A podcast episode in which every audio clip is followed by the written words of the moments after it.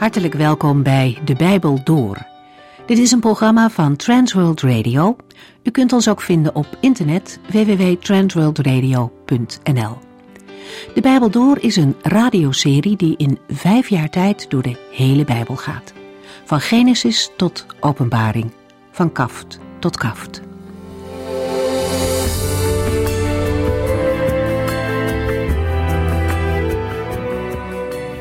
Jesaja 6 speelt zich af in een onzekere tijd. Het is het jaar waarin koning Uzia sterft. Er was voorspoed geweest onder de bekwame leiding van deze koning. Het was echter de vraag hoe het koningschap van zijn zoon Jotam zou uitpakken. Er dreigde oorlog en dan waren er ook nog eens de Assyriërs. Dit volk kreeg in snel tempo veel macht en vormde een reële bedreiging voor de onafhankelijkheid van Juda. In die spannende tijd wordt Jezaja opnieuw geroepen door de Heere God. En de manier waarop dat gebeurt laat zien dat niet de aardse koning, maar de hemelse koning regeert. Want ook al is de aardse politieke situatie nog zo onzeker, de troon van de Heere staat vast. Jezaja krijgt een visioen waarin hij de Heere op zijn troon ziet zitten. De eerste versen beschrijven de grootsheid en de heiligheid van de Heere. Serafs, bijzondere engelen, vliegen en roepen naar elkaar dat de Heere heilig is. Ze herhalen dat drie keer, waardoor de heiligheid van de Heere extra nadruk krijgt. De heiligheid van God komt als thema veel terug bij Jesaja. Heilig heeft te maken met anders zijn, apart staan van. De Heere is totaal anders dan zijn schepselen. En heiligheid heeft ook een moreel aspect. God is volmaakt heilig in wat hij doet. En hij geeft de kinderen de opdracht om daarin op hem te lijken. Wees heilig, want ik ben heilig. Dat is de opdracht van God aan zijn kinderen. Als Jezaja met de heiligheid van de Heere God geconfronteerd wordt, beseft hij het enorme verschil wat er ligt tussen deze heilige God en de mensen. Zagen we in Jezaja 5 zes keer een wee hun hier roept de profeet, wee mij. Hij ziet de Heere en beseft daardoor wie hij zelf ten diepste is. Hij is onrein door zonde, net als het volk waartussen hij woont. Viezigheid valt vooral op in een schone omgeving. In die heilige tempel van God, in de nabijheid van de heilige God, ziet Jezaja zijn tekortkomingen maar al te goed. Het antwoord van God is niet dat het wel meevalt met Jezaja en dat het er niet toe doet. Het antwoord van God is verzoening. Zijn zonden worden vergeven. En dan is Jezaja klaar om Gods opdracht te ontvangen. Hij is bereid om te gaan en de boodschap van de Heer op aarde te brengen.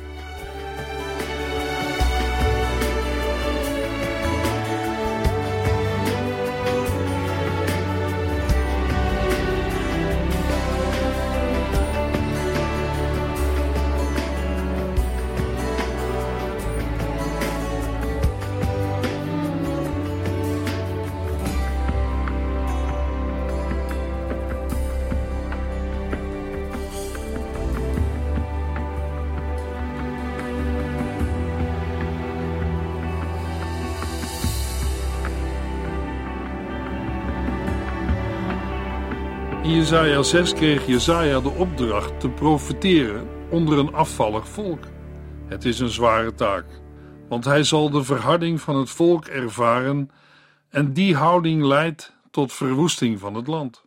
Toch mag hij ook profeteren dat de Heere doorgaat met zijn verbond.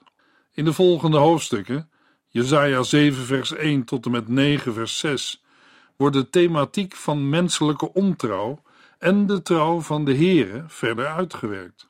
Er worden allerlei kinderen genoemd: Seer Jasub, de zoon van Jezaja, Immanuel, de zoon van een onbekende vrouw, Maher Shalal Gasbas, een ander kind van Jezaja, en een toekomstig koninklijk kind.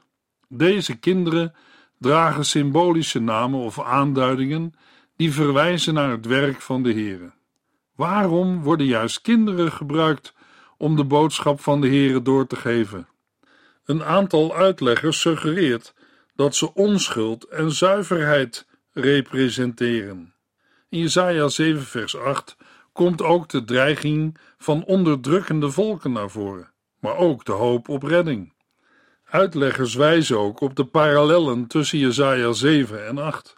In Jesaja 7 gaat het om het huis van David met het oog op de komende verwoestingen. En in Jesaja 8 gaat het om het huis van de profeet Jesaja in relatie tot de komende verwoestingen. Een belangrijk onderscheid is dat Jesaja 7 vooral spreekt over het koningshuis van David, terwijl Jesaja 8 de aandacht op dit volk, op Juda, richt. Vaak wordt in Jesaja 8 ook gesproken in de derde persoon meervoud. In Jesaja 7 vers 1 tot en met 17 gaat het over het teken van Sear Jasub en Immanuel. Voordat we gaan lezen in Jesaja 7, wil ik eerst ingaan op de vraag: wie is Immanuel in Jesaja 7 vers 14?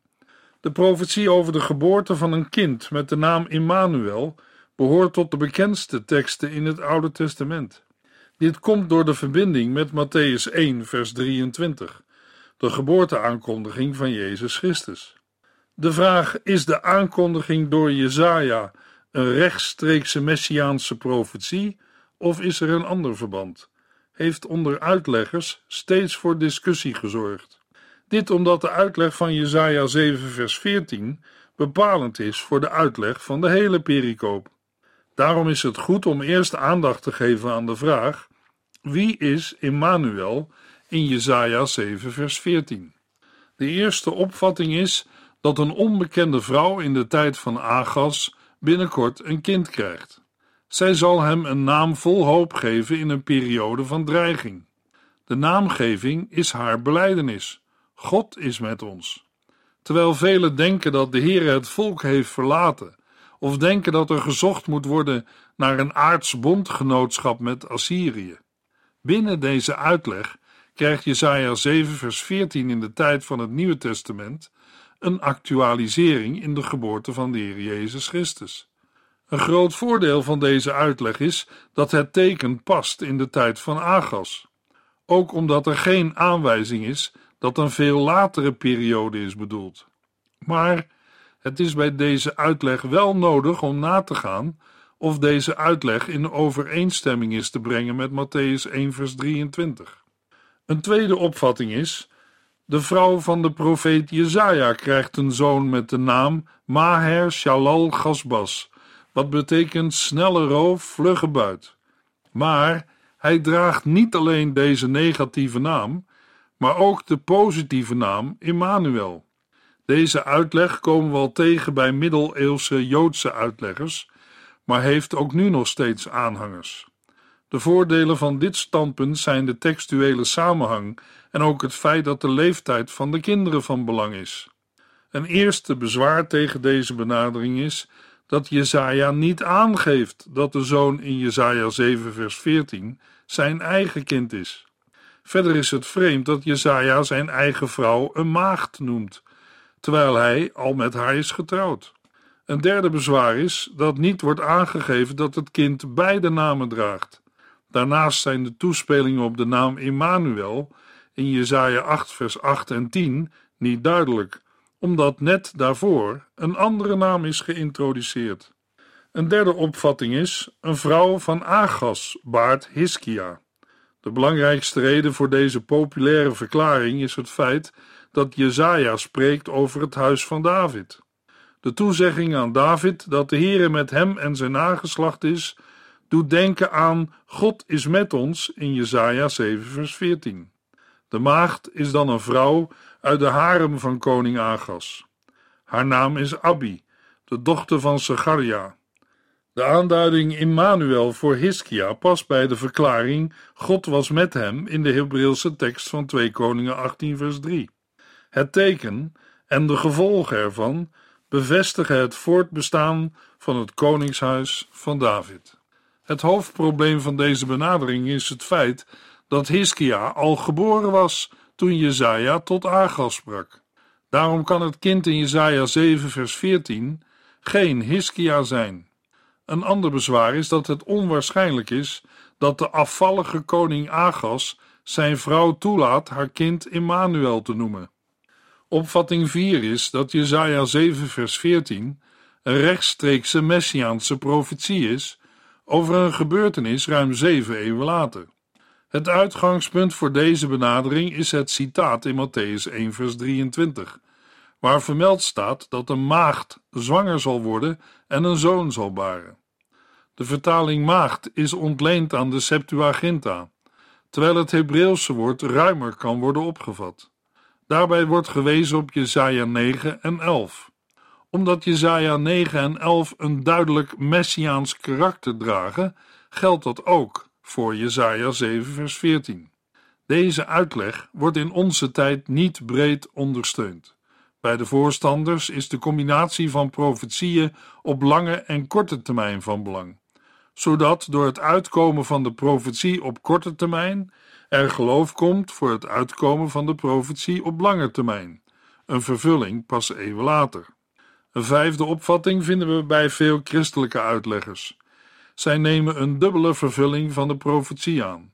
De eerste vervulling in de geboorte van een kind met de naam Immanuel in de tijd van Agas en de tweede vervulling in de geboorte van de Messias. Bij deze aanname komt de vraag op of de tweede betekenis al in de eerste ligt opgesloten. Verschillende uitleggers zijn van mening dat de context van Jesaja 7 dat niet duidelijk maakt, maar dat de relatie met Jesaja 9 vers 1 tot en met 7 wel wijst in de richting van de Messias. In het licht van al deze opvattingen is het in de eerste plaats belangrijk om de betekenis van het Hebreeuwse woord na te gaan, dat zowel met maagd als met jonge vrouw wordt vertaald. Dat maagdelijkheid altijd aanwezig is in de betekenis van het woord, valt niet te bewijzen. Als de nadruk zou liggen op het wonder dat een maagd zwanger is, zou daar een ander Hebreeuws woord voor worden gebruikt. Om misverstanden te voorkomen zou het dan zelfs nog beter zijn om toe te voegen dat geen man gemeenschap met haar heeft gehad, zoals in de Hebreeuwse tekst van Genesis 24, vers 16 gebeurt. Maar in Jesaja 7 ligt de nadruk niet op de maagdelijkheid, maar op de naam van het kind.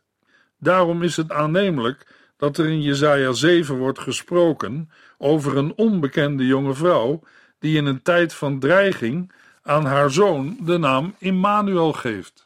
Dat heeft betekenis voor koning en volk. In de tweede plaats is het nodig om naar de bedoeling van Matthäus te vragen en naar de precieze betekenis van het woord vervullen. Is de gebruikelijke uitleg het uitkomen van een profetie wel juist? Het is opmerkelijk dat Matthäus niet zegt dat Jezus de naam Immanuel kreeg. Want eerst krijgt Jozef de opdracht de zoon van Maria de naam Jezus te geven. En na het citaat uit Jesaja eindigt Matthäus 1 met de vermelding en Jozef noemde hem Jezus. Deze gebeurtenis vindt plaats als vervulling van wat de profeet Jesaja heeft gezegd.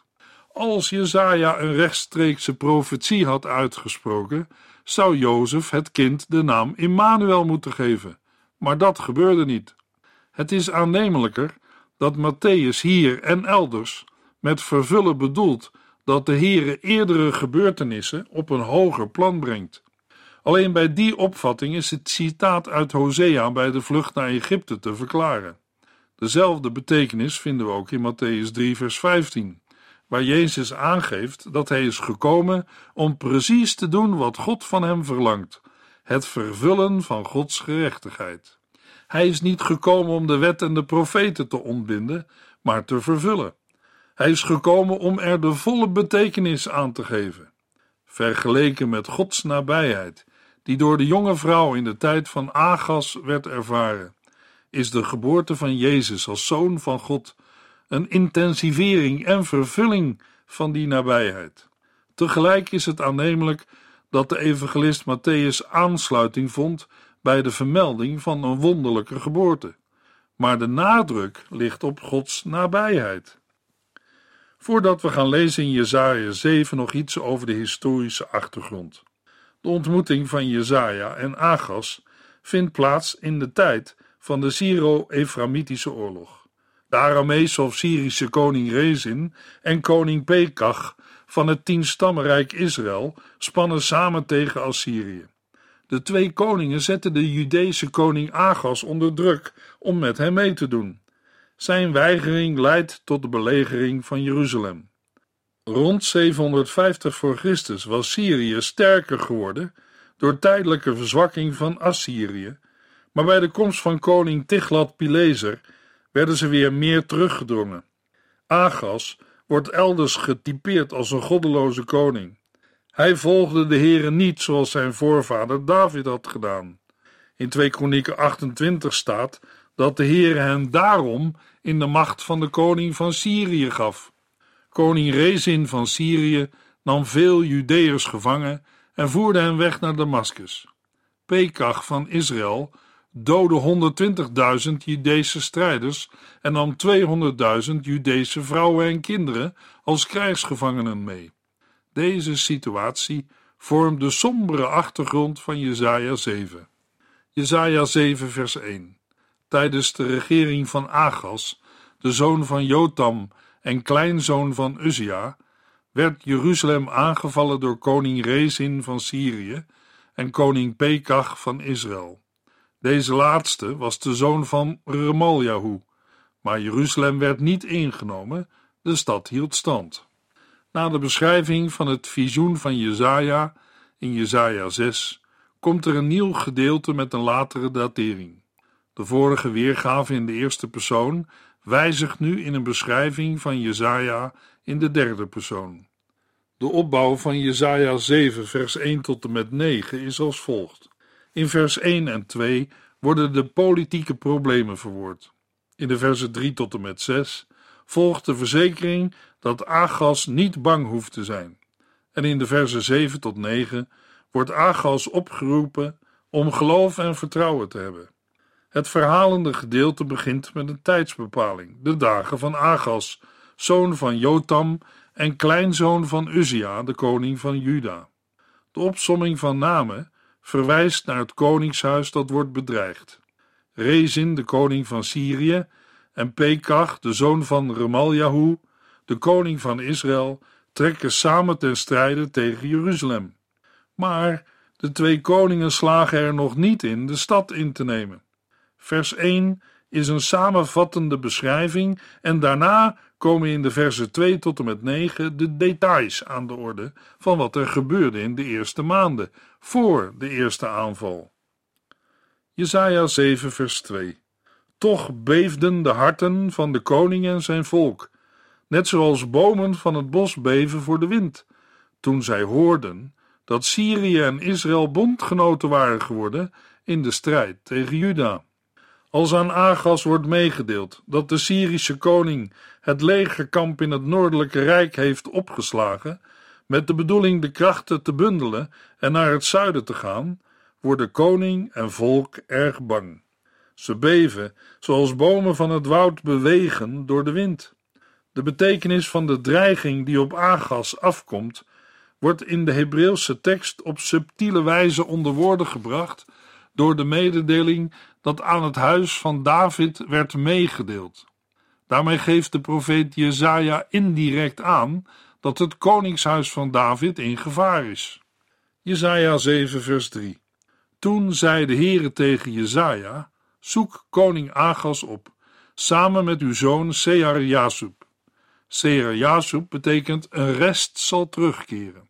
U kunt hem vinden aan het einde van het aquaduct dat de bron Gigon met het bovenste reservoir verbindt, dicht bij de weg die naar het bleekveld loopt. De Heere zegt dat de profeet samen met zijn zoon Seer Jasub Agas tegemoet moet gaan bij het aquaduct, of de waterloop van het bovenste waterreservoir op de weg naar het blekersveld. Waarschijnlijk is de koning bezig met controle van een watertoevoer die van belang zou zijn bij een belegering van de stad. De aanwezigheid van Seher Jasub speelt in het verloop van de beschreven geschiedenis een beperkte rol.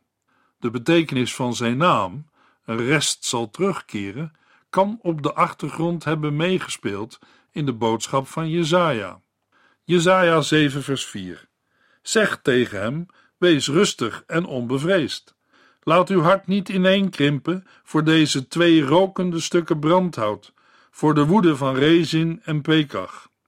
Jezaja moet de koning aansporen zichzelf te beheersen, rustig te blijven, niet bang te zijn en zijn hart niet moet laten ineenkrimpen voor die twee rokende stukken brandhout, waarmee wordt gedoeld op de brandende toorn van Rezin en Pekach. Pekach wordt in de Hebreeuwse tekst niet aangesproken met zijn eigen naam, maar aangeduid als de zoon van Remaljahu. Zo spoort de Heere de koning aan zijn zelfbeheersing te bewaren en niet impulsief te handelen. Agas moet leren niet alleen vanuit een menselijk gezichtspunt naar de vijanden te kijken, maar hij moet de gevaren bezien vanuit het oogpunt van Gods macht. De problemen zijn helder en worden concreet door Jezaja benoemd. Jezaja 7 vers 5 en 6. Ja, de koningen van Syrië en Israël trekken ten aanval tegen u en zeggen wij zullen Juda binnenvallen, zodat de bevolking in paniek raakt. We veroveren het en roepen de zoon van Tabeal tot koning over hen uit. Opnieuw wordt in de Hebreeuwse tekst van vers 5 de koning van het tienstammenrijk Israël als de zoon van Remaljahu aangeduid, in plaats van met zijn eigen naam Pekach. De beide koningen hebben gezegd dat ze zullen optrekken tegen Juda, zodat de bevolking in paniek raakt. Ze willen Juda angst aanjagen en het verdelen. Ze willen in het zuidelijke rijk Tabeal als nieuwe koning aanstellen. De identiteit van de genoemde persoon is onbekend, maar het zal iemand geweest zijn die wilde samenwerken met de beide koningen tegen de Assyriërs. Door dit voornemen verzetten Pekach en Rezin zich ook tegen het koningshuis van David en lijkt het einde ervan nabij. Jesaja 7 vers 7 Maar de Heere God zegt, daar komt niets van in, het gebeurt niet. Na de oproep en de toelichting geeft de Heere heilvolle beloften. Jezaja mag namens de Heere zeggen dat het niet zal bestaan en niet zal gebeuren. Wij zouden mogelijk eerder verwachten dat Agas bestraft wordt voor zijn afgoderij, of dat een oorlog uitgelegd wordt als straf, maar dat gebeurt niet. De profeet geeft alleen aan dat de twee koningen niet zullen slagen in hun plannen. De reden wordt niet vermeld, maar in vers 2 wordt in de Hebreeuwse tekst het huis van David genoemd, en daarmee wordt indirect verwezen naar de belofte van een blijvend nageslacht voor David. Jesaja 7 vers 8 en 9 Damascus blijft slechts de hoofdstad van Syrië en koning Rezin zal er niet in slagen zijn grondgebied uit te breiden. En binnen 65 jaar zal ook Ephraim ophouden te bestaan. Samaria blijft slechts de hoofdstad van Ephraim en koning Pekach zal zijn macht niet vergroten. Gelooft u mij niet? Maar als u wilt dat ik u bescherm, zult u op mij moeten leren vertrouwen. De volgende versen zijn vanuit de Hebreeuwse tekst niet direct duidelijk. Er staat dat Damascus het hoofd van Aram is en dat Rezin het hoofd van Damascus is. Het volgende vers vermeldt dat Samaria het hoofd van Ephraim is en dat de zoon van Remaljahu het hoofd van Samaria is. Als iemands hoofd eraf wordt gehakt, is hij gesneuveld en dood. Van de twee beschreven landen zullen de staatshoofden en de hoofdsteden worden vernietigd, en daarmee zullen de landen ophouden te bestaan. In de tweede helft van vers 9 wordt het oordeel over Ephraim nader omschreven. Binnen 65 jaar zal Ephraim worden verpletterd en geen volk meer zijn. Aangezien Jezaja deze woorden rond 735 voor Christus tot Agas sprak, is het aannemelijk dat hier wordt gedoeld op een wegvoering van grote groepen inwoners van het tienstammenrijk Israël en over de gedwongen immigratie van buitenlanders in het noordelijke gebied in circa 671 voor Christus. Over deze gedwongen immigratie van buitenlanders lezen we in 2 Koningen 17 en Ezra 4. Wij gaan bij de uitleg van Jesaja 7 uit van het feit dat de profeet Jesaja de genoemde periode heeft voorzegd. Het belang daarvan mag duidelijk worden uit het volgende. Een van de hoofdthema's in Jesaja is de betrouwbaarheid van de Here. Die blijkt uit het feit dat hij verhoudingen van wereldlijke machten al van oudsher voorzien heeft en naar zijn hand zet. De macht om te voorzeggen functioneert als bewijs dat alleen de Heere God is. Afgoden worden uitgedaagd om met hun eigen voorzeggingen voor de dag te komen, want de spreker weet heel goed dat ze dit niet kunnen. Om een voorbeeld te geven, alleen de Heere liet voorzeggen dat koning Kores aan de Joden toestemming zou geven om na de ballingschap naar Israël terug te keren. Jesaja 44 vers 7 Wie anders kan u vertellen wat in de toekomst gaat gebeuren? En Jesaja 46 vers 10 Ik verkondig u van het begin af aan de afloop van wat er gaat gebeuren. Wat ik heb bepaald, zal gebeuren zoals ik heb besloten. Ja, de Heere heeft dit gedaan als bewijs tegen de afgoden. De voorzegde profetie klinkt ook door in de woorden: Hebt u het niet gehoord? Of begrijpt u het dan nog niet? De Heere had het al lang geleden bevolen. Jesaja 45, vers 21 en 22. Wie anders dan God heeft tevoren gezegd dat die dingen zouden gaan gebeuren? Welke afgod heeft u dat ooit verteld? Want er bestaat geen andere God dan ik, een rechtvaardige God en een redder. Nee, niet één. Laat de hele wereld zich, wanneer het om verlossing gaat, tot mij wenden, want ik ben God. Er bestaat geen andere God. Uit al deze voorbeelden mag duidelijk zijn dat de spreker bij een dergelijke argumentatie niet voor een tijdgenoot van Cyrus wil doorgaan, maar als een veel vroeger levende profeet. Jesaja 7, vers 8. Damascus blijft slechts de hoofdstad van Syrië, en koning Rezin zal er niet in slagen zijn grondgebied uit te breiden. Van Rezin weten we dat hij binnen enkele jaren werd gedood door Tiglat-Pileser, en daarmee hield het Syrische Rijk op te bestaan. Jezaja zegt in vers 9, namens de Heere tegen Agas, gelooft u mij niet? Maar als u wilt dat ik u bescherm, zult u op mij moeten leren vertrouwen. Luisteraar, op wie vertrouwt u? In de volgende uitzending lezen we verder in Jesaja 7.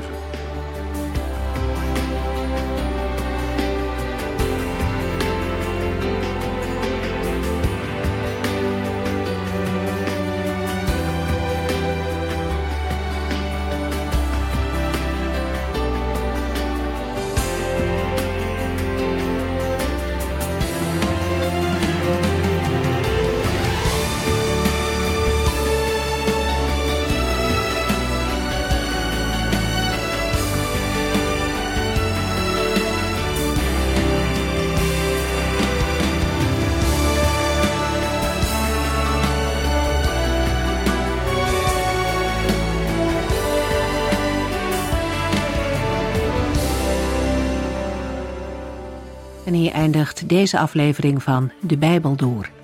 Een serie programma's van Transworld Radio. Wilt u ons iets vragen of meer weten? Dan kunt u altijd contact met ons opnemen. Bellen kan overdag met 0342 478432. Per post Transworld Radio. Postbus 371. Postcode 3770.